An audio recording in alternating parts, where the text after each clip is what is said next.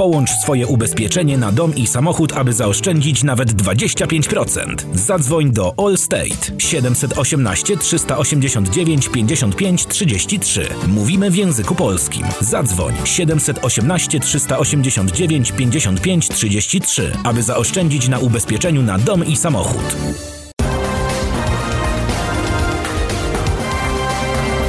Wiadomości dnia w Radio Rampa.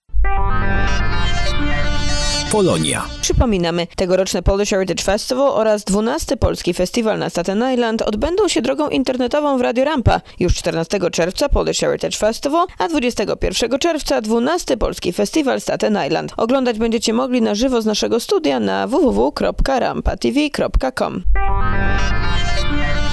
Nowy Jork. Spokojniejsza noc w mieście. Zaaresztowano 200 osób, o 500 mniej niż noc wcześniej. W mieście do końca tygodnia obowiązywać będzie godzina policyjna od 8 wieczorem do 5 rano. Z powodu wprowadzenia godziny policyjnej zamknięte zostały niektóre wejścia do metra. Rabieży dokonano w sklepie Nordstrom Rack przy 6 alei. Z innych wiadomości, gubernator Nowego Jorku zezwolił na otwarcie letnich obozów dziennych dla dzieci i młodzieży pod koniec czerwca.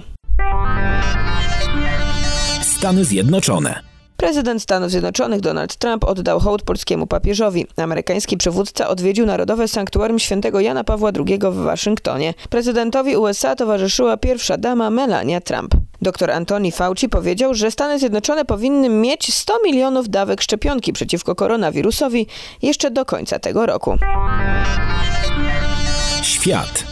W Ameryce Łacińskiej i na Karaibach zarejestrowano ogółem ponad milion potwierdzonych przypadków COVID-19. W regionie, który Światowa Organizacja Zdrowia uznała za nowe epicentrum pandemii, w ciągu ostatnich dwóch tygodni podwoiła się liczba osób zarażonych. W Hongkongu po raz pierwszy od 30 lat, w przeddzień rocznicy masakry na Placu Niebieskiego Spokoju w Pekinie, nie odbędzie się tradycyjne nocne czuwanie ku czci ofiar. Zgromadzenie zostało w tym roku zakazane ze względów epidemicznych. W ubiegłym roku wzięło w nim udział 180 tysięcy osób.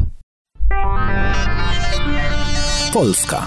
Pierwsza tura wyborów prezydenckich odbędzie się 28 czerwca. Ogłosiła to marszałek Sejmu Elżbieta Witek. Powiedziała, że od momentu publikacji zarządzania wraz z kalendarzem wyborczym oficjalnie rozpocznie się kampania wyborcza. Słuchasz Radio Rampa.